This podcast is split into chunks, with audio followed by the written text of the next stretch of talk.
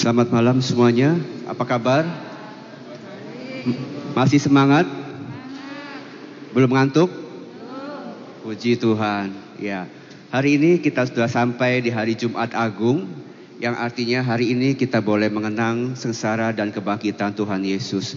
Dikatakan agung, mengapa? Karena hari ini kita mengenang memperingati kesucian dan keagungan Yesus yang telah wafat dan membuktikan bahwa ia adalah sungguh putra Allah.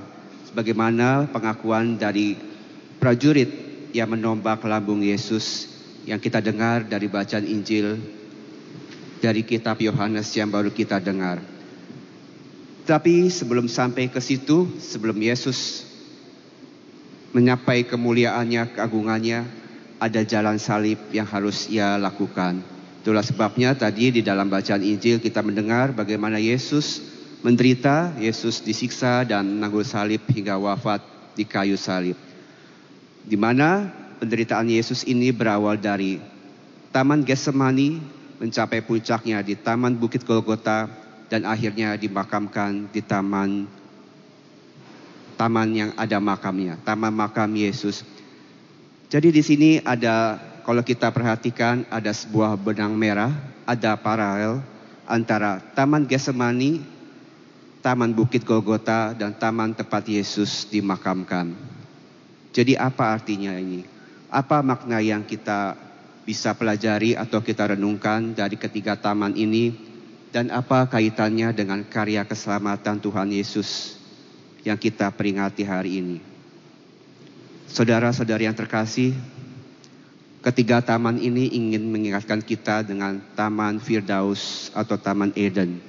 Jadi kalau kita ingat di dalam kitab kejadian, manusia pertama itu diciptakan Tuhan. Mereka ditempatkan di Taman Eden, di Taman Firdaus.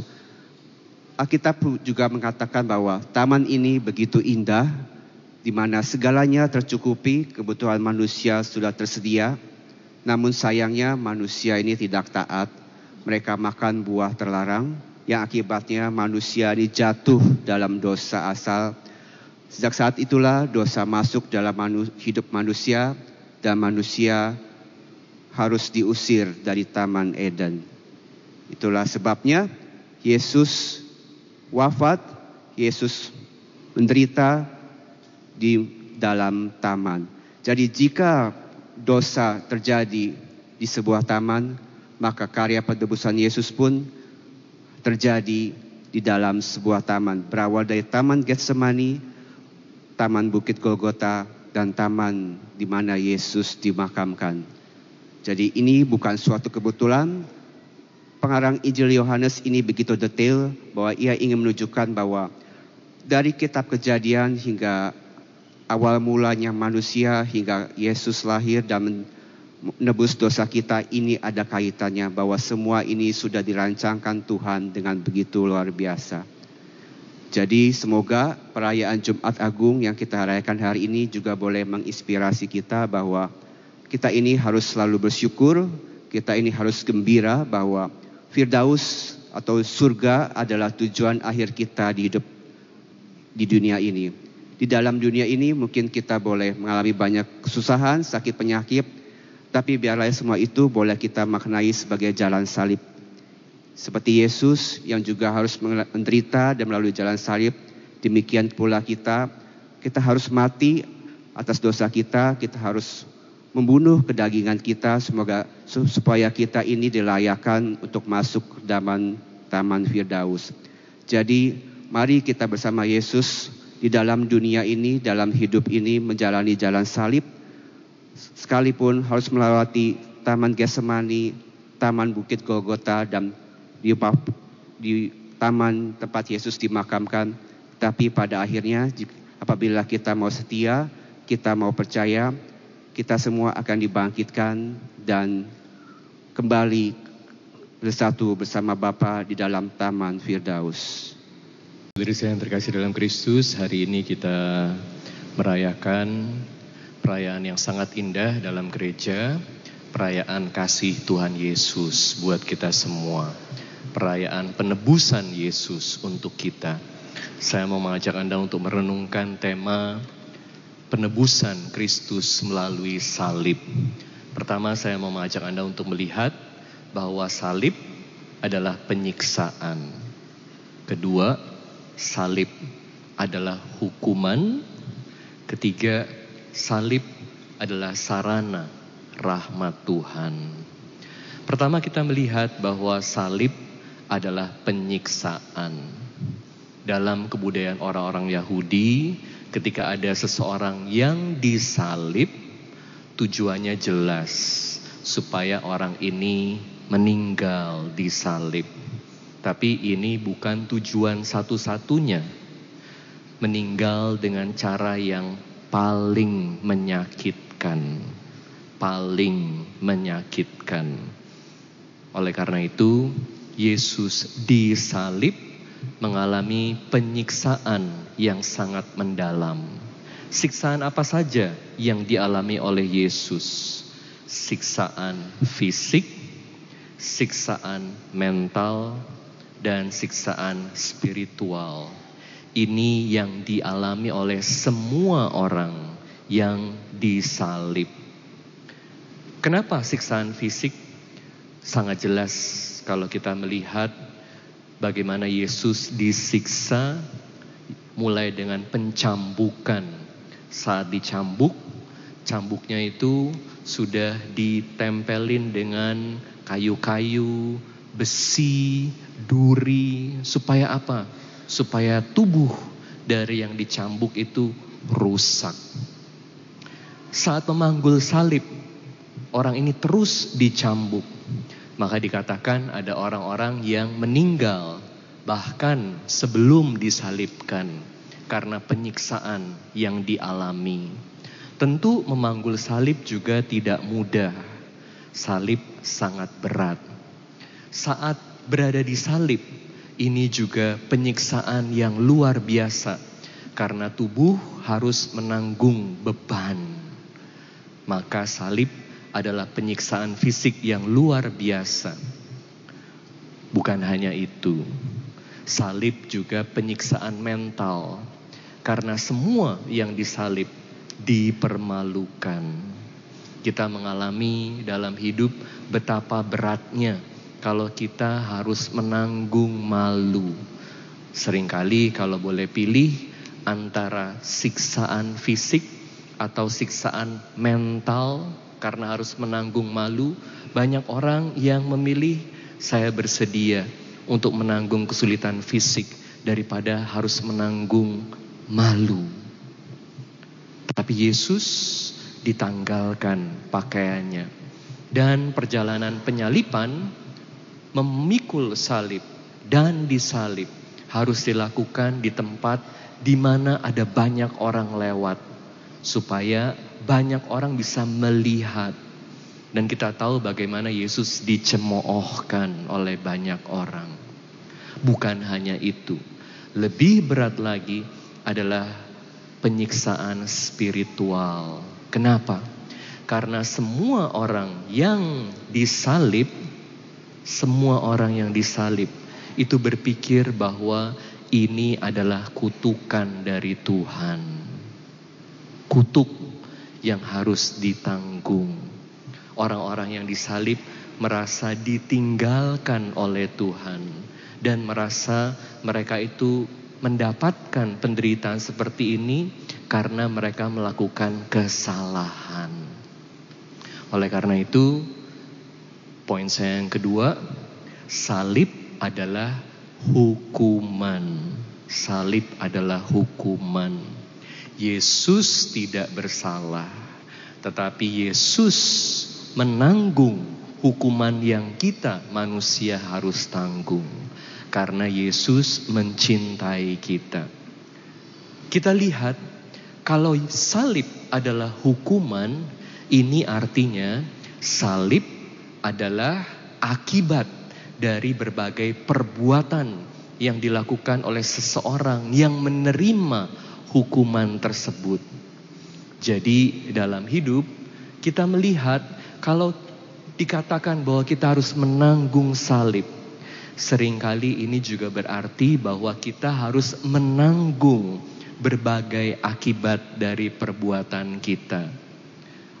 Dalam hidup ada yang namanya hukum tabur tuai. Hukum tabur tuai ini sangat nyata. Apa yang dimaksud dengan hukum tabur tuai? Hukum tabur tuai adalah hukum kodrat, hukum alam segala hal, semua hal yang kita lakukan dalam hidup pasti ada akibatnya.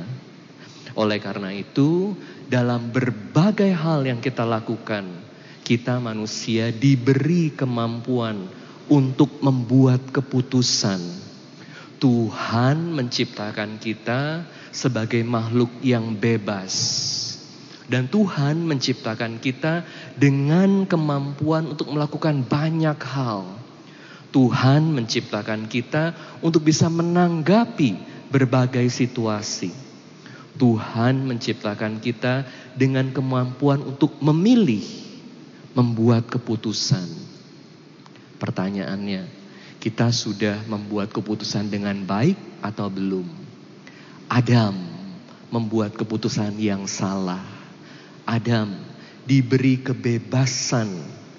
Dia bisa mengikuti Tuhan, taat kepada Tuhan, atau dia bisa tidak taat kepada Tuhan. Adam tidak taat kepada Tuhan. Dia jatuh dalam dosa. Sebagai akibatnya, Adam kehilangan rahmat Tuhan. Adam masuk dalam penderitaan penderitaan dalam hidup disebabkan karena dosa manusia. Saya ulang, dalam hidup ada penderitaan. Karena apa? Karena dosa manusia. Oleh karena itu, kita semua harus hati-hati dalam membuat berbagai keputusan dalam hidup kita. Sekecil apa pun dosa, selalu ada akibatnya. Dosa kecil membawa kita pada dosa lainnya. Dari satu dosa kepada dosa lain. Dari kecil sampai besar. Jangan sampai ada saat di mana kita udah tidak bisa lagi menguasai hidup kita. Karena hidup kita dikuasai oleh berbagai dosa kita. Jadi kalau ada orang-orang yang dihukum, mereka menderita, mereka disiksa. Karena apa? Karena dosa mereka. Salib adalah hukuman. Kenapa mereka dihukum sampai seperti itu? Karena kita hidup dalam masyarakat yang penuh dosa. Kalau kita hidup dengan para malaikat, mungkin nggak perlu dihukum di salib. Tetapi karena kita hidup dalam masyarakat yang menuntut katanya keadilan. Masyarakat yang balas dendam. Maka ada penyalipan. Anda lihat kenapa penyalipan itu begitu kejam. Karena masyarakat mau supaya mereka yang sudah buat salah dihukum seberat mungkin. Kalau ada orang yang Anda lihat sewenang-wenang dalam hidup, mengalami penderitaan dalam hidup, Anda senang nggak? Bos Anda yang semenang-mena kepada Anda dalam hidup, perusahaannya hancur, Seneng gak? Tetangga Anda yang sering kali menghina Anda. Tahu-tahu ditinggalin sama suaminya. Seneng gak? Bilang apa? Rasain lo. Rasain. Kalau bisa seberat mungkin. Makin seneng. Karena apa? Karena mereka dalam penilaian Anda sudah berdosa pada Anda. Kalau ada teman yang menghina Anda, Ah, dikecilin, gak dianggap, dihina. Ah, satu hari dia kena sakit kanker. Rasain lu. Itu balasan dari Tuhan. Kenapa kita berpikir seperti ini? Karena kita manusia dikuasai oleh kebencian. Kita mau balas dendam. Dan kalau bisa, bagaimana balas dendamnya? Semakin bisa melampiaskan kebencian, semakin orang yang kita benci itu menderita, semakin dia hancur. Semakin puji Tuhan, Tuhan engkau adil. Kita pikir Tuhan menghukum orang itu. Tetapi dalam pandangan kita sebagai manusia, kita selalu mau memberikan yang paling berat buat mereka semua yang membawa kesulitan dalam hidup kita. Tapi ini manusia. Dan sering kali kita bertanya juga, apa sih salahku sehingga mereka itu ngecilin aku, ngenyek aku, menghina aku, membuat hidup sengsara.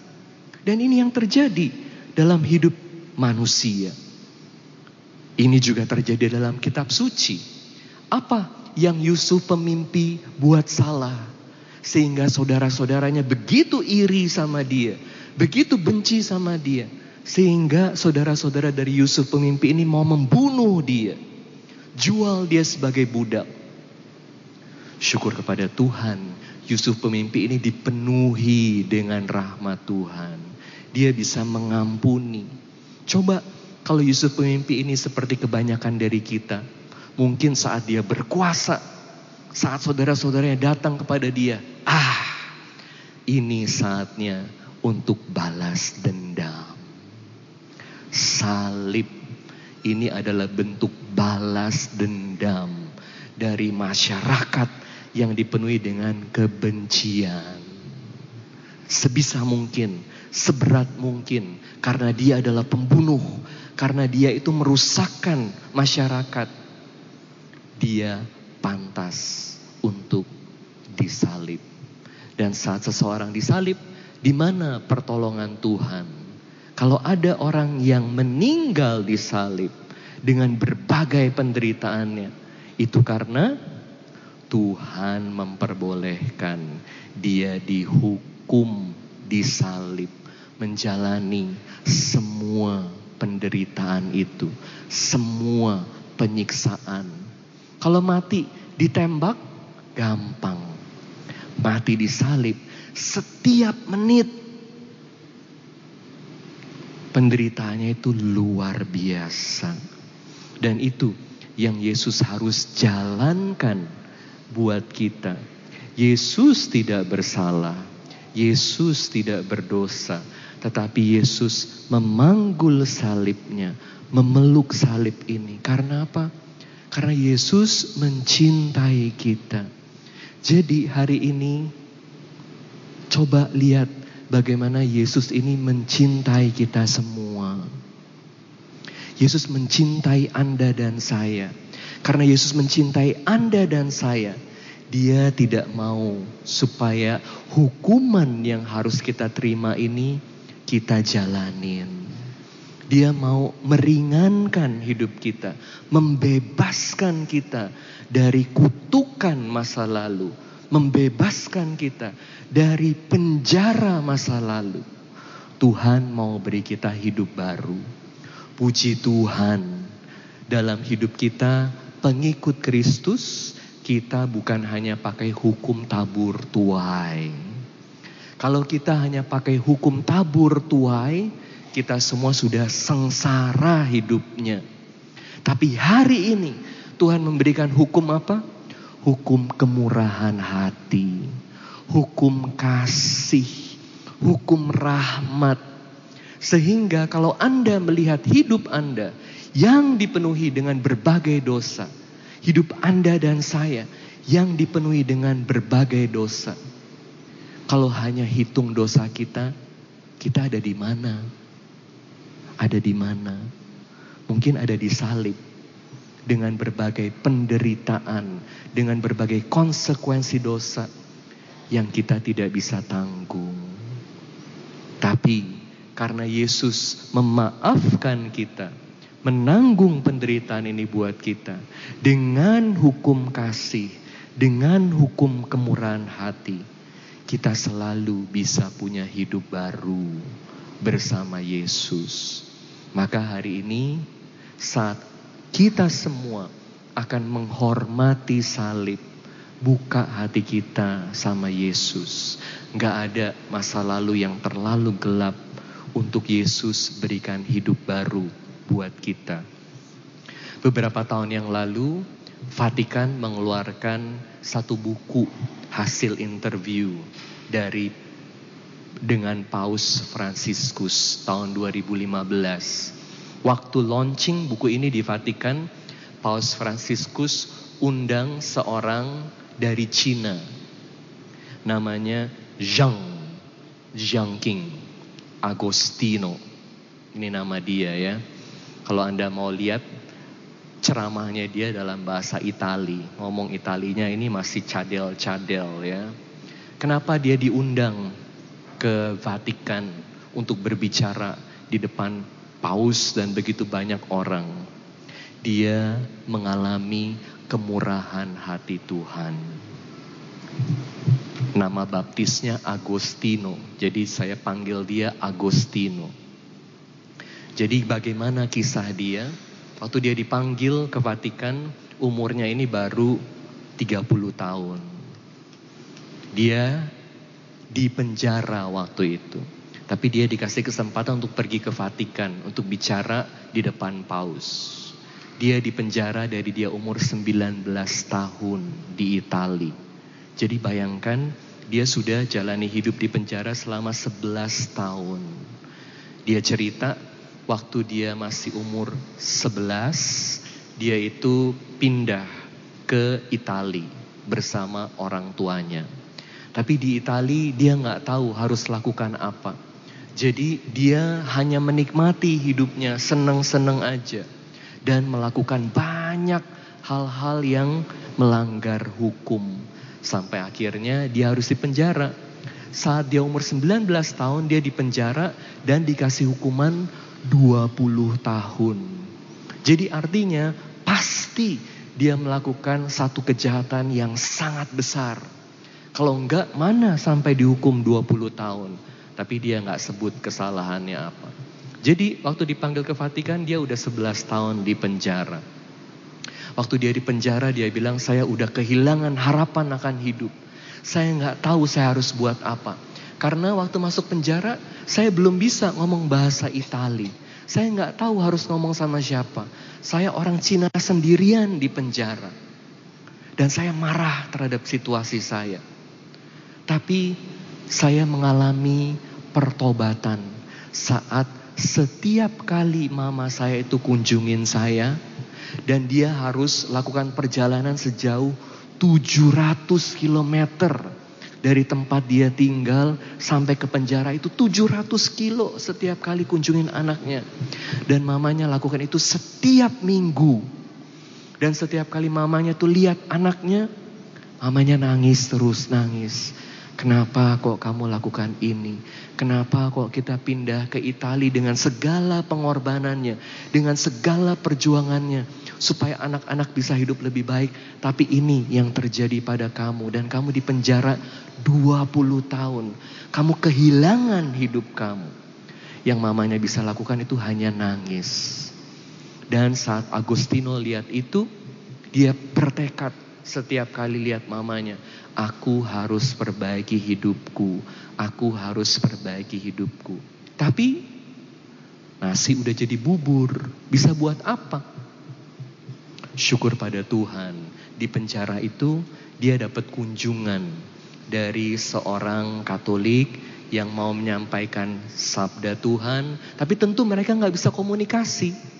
Agustino bilang, kalau dia ada di depan saya, dia ngomong apa saya juga nggak ngerti, tapi yang pasti saya bisa merasakan kasihnya pada saya, kepeduliannya pada saya. Saat dia pandang saya, saya merasakan Tuhan Yesus sedang mencintai saya. Jadi akhirnya dia putuskan untuk jadi Katolik. Dan hari demi hari dia makin hari makin baik. Dia bilang kepada Paus, waktu saya putuskan untuk jadi Katolik, saya itu takut mama saya itu nggak kasih izin. Tapi waktu saya bilang kepada mama saya yang adalah seorang Buddha, mama saya diam beberapa menit.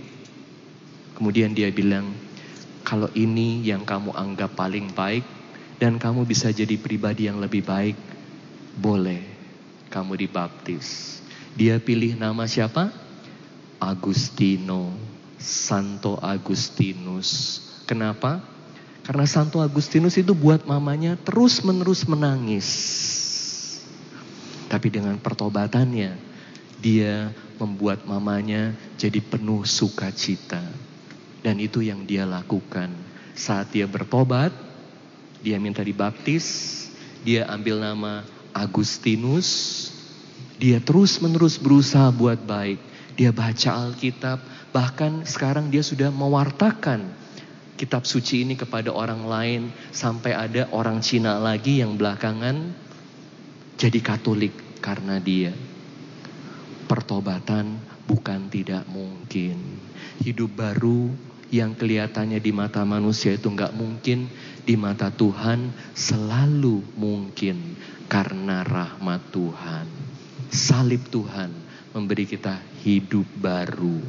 Oleh karena itu, betapapun susahnya hidup kita, betapapun gelapnya hidup kita, dan sering kali karena kesalahan kita sendiri, bukan tidak mungkin Tuhan berikan hidup baru buat kita. Mohon rahmat hidup baru buat kita semua. Saat Anda nanti menyembah salib, mohon rahmat supaya Tuhan memperbarui hidup Anda. Amin. My brothers and sisters, today is Friday. But it is not an ordinary Friday. It is called Good Friday. And it is ironic because how can a day when our Lord Jesus Christ suffered and died be called good? But that's the way we call it. It's Good Friday. The time when our Lord Jesus Christ surrendered himself for our sake. He suffered and died. What is good in Good Friday? Well, of course, one thing that uh, is good about Good Friday is making it clear to us that suffering is real. Because sometimes what makes our life terrible is when we keep on denying that suffering, difficulties, and trials are exceptional things. No. Especially if we are head bound to heaven, we cannot but pass by Golgotha.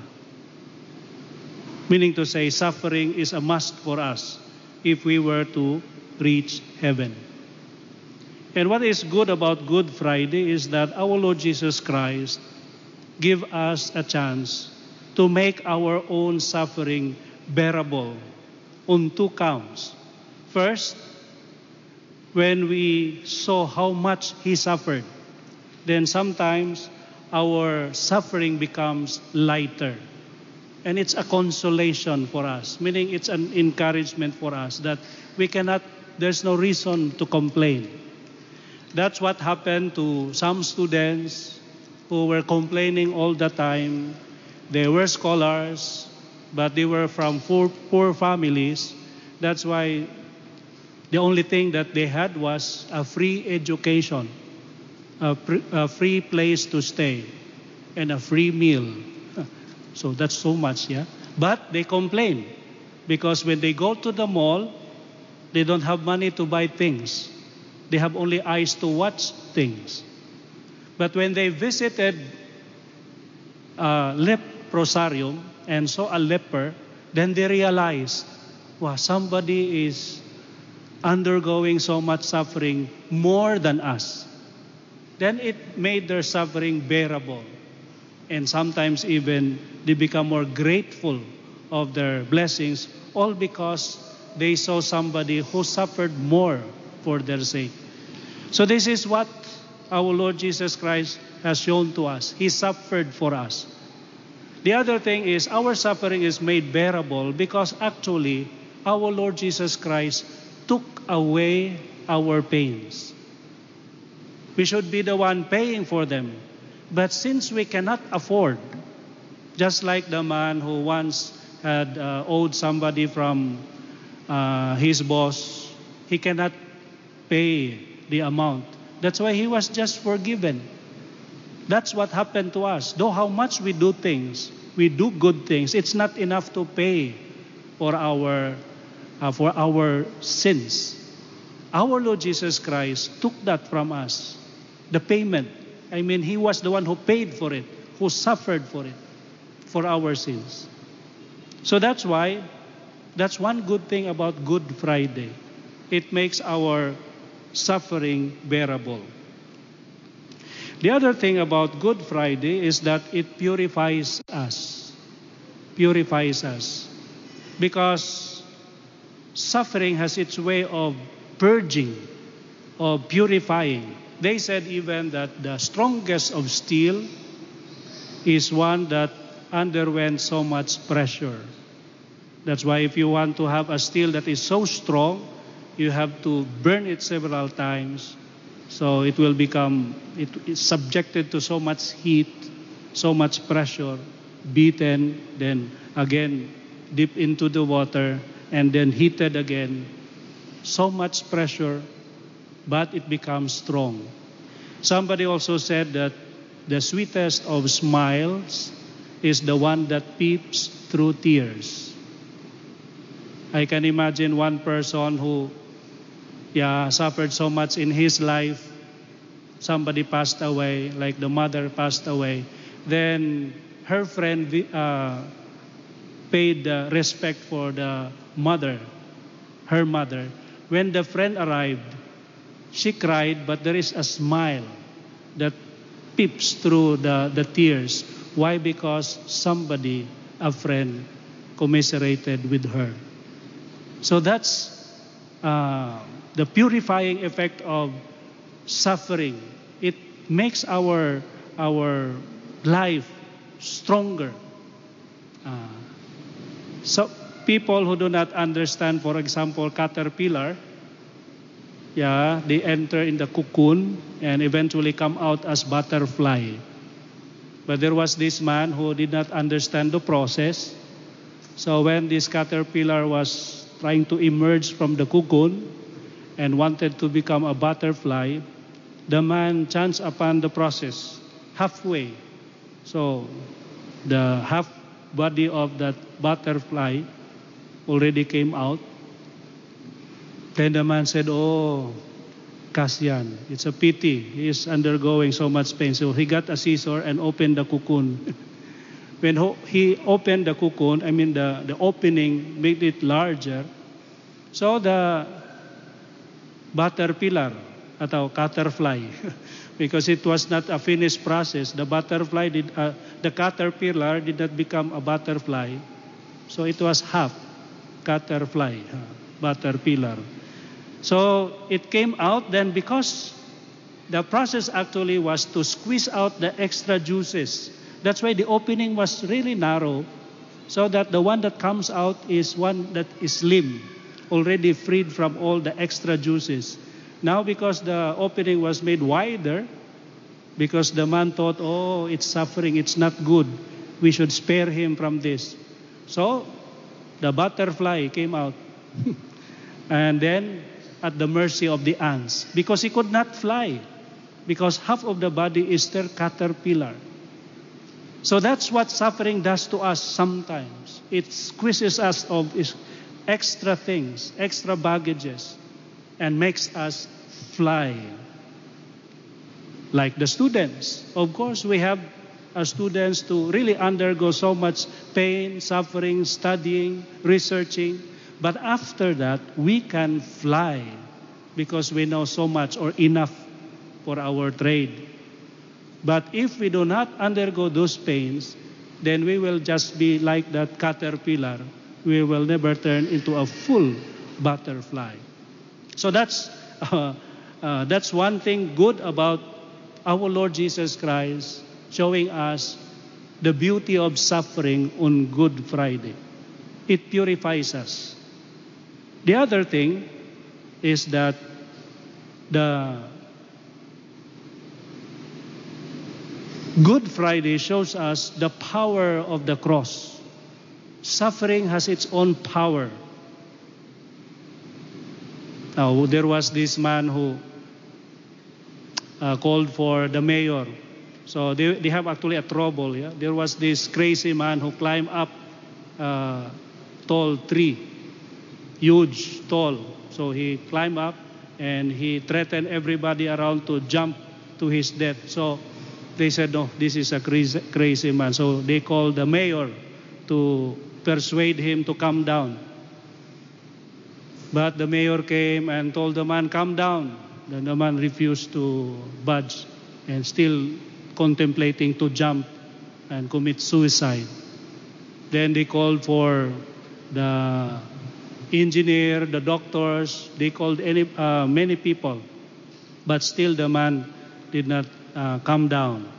Then finally they called for the parish priest. so the parish priest came and he looked at the situation. There is this man, crazy, up on the tree, attempting to commit suicide.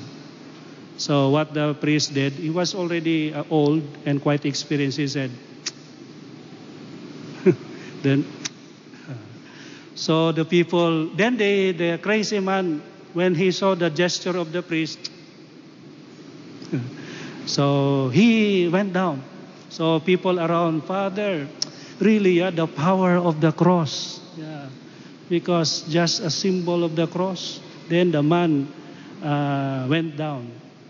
Then the priest said, No, no, no, I did not make the sign of the cross. No, you did, Father, because you said like this. Uh, no, I said, You come down, otherwise I'll cut the tree. so the crazy man understood. so he did not want to, to, to die because of the cutting of the tree. But kidding aside, kidding aside, really, the power of the cross. Because it's the power of God, the power of His love. And it is proven by His sacrifice. You know, in the olden days, before the computers and these drone things, war can be very violent and very crude. And those who are inventive, innovative wins the war. Now there was this war between two opposing any, uh, camps, and they have these cannons, but they could not hit one another bullseye because it was nighttime, and there is this hill huge enough to separate the two. So they were trying to hit one another, but blindly. Hmm. So how to win this war? So somebody have thought of uh, lifting or yeah, uh, balloon, air balloon. Then there is this man up there.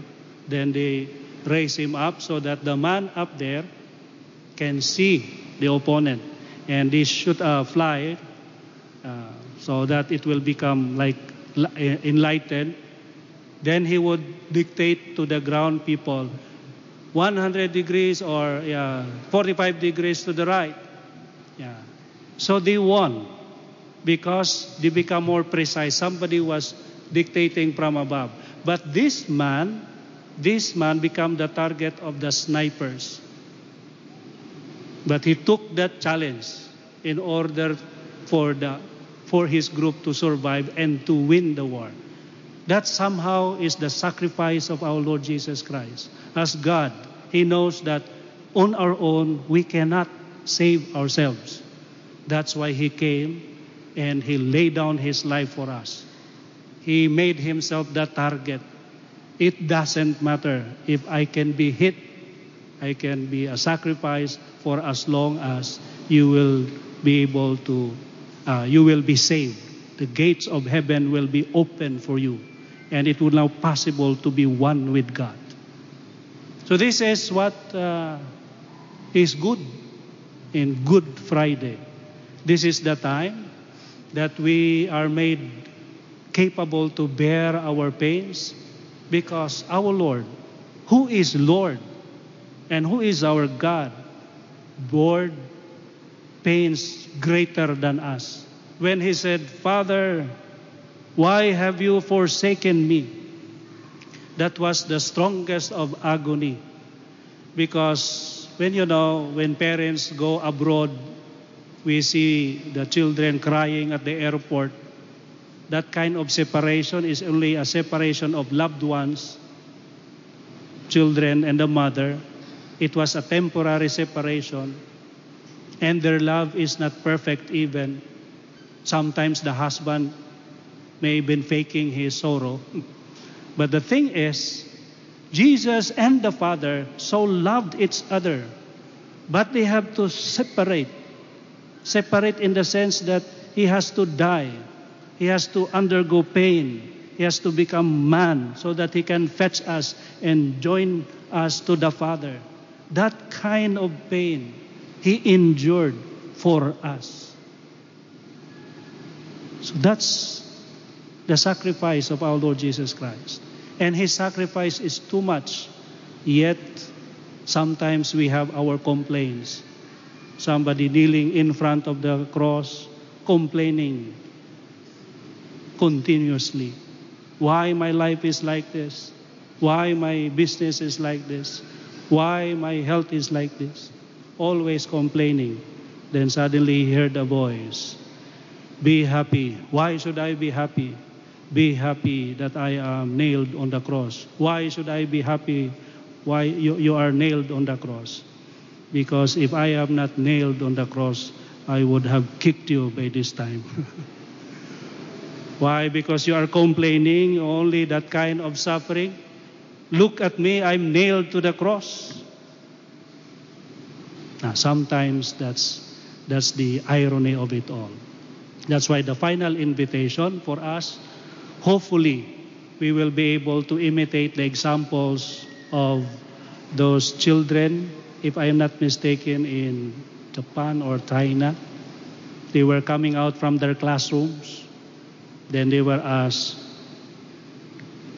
because they were known to be Catholics, step on the cross. If you don't uh, step on the cross, we will shoot you. So the first child step on the cross. The second child, step on the cross.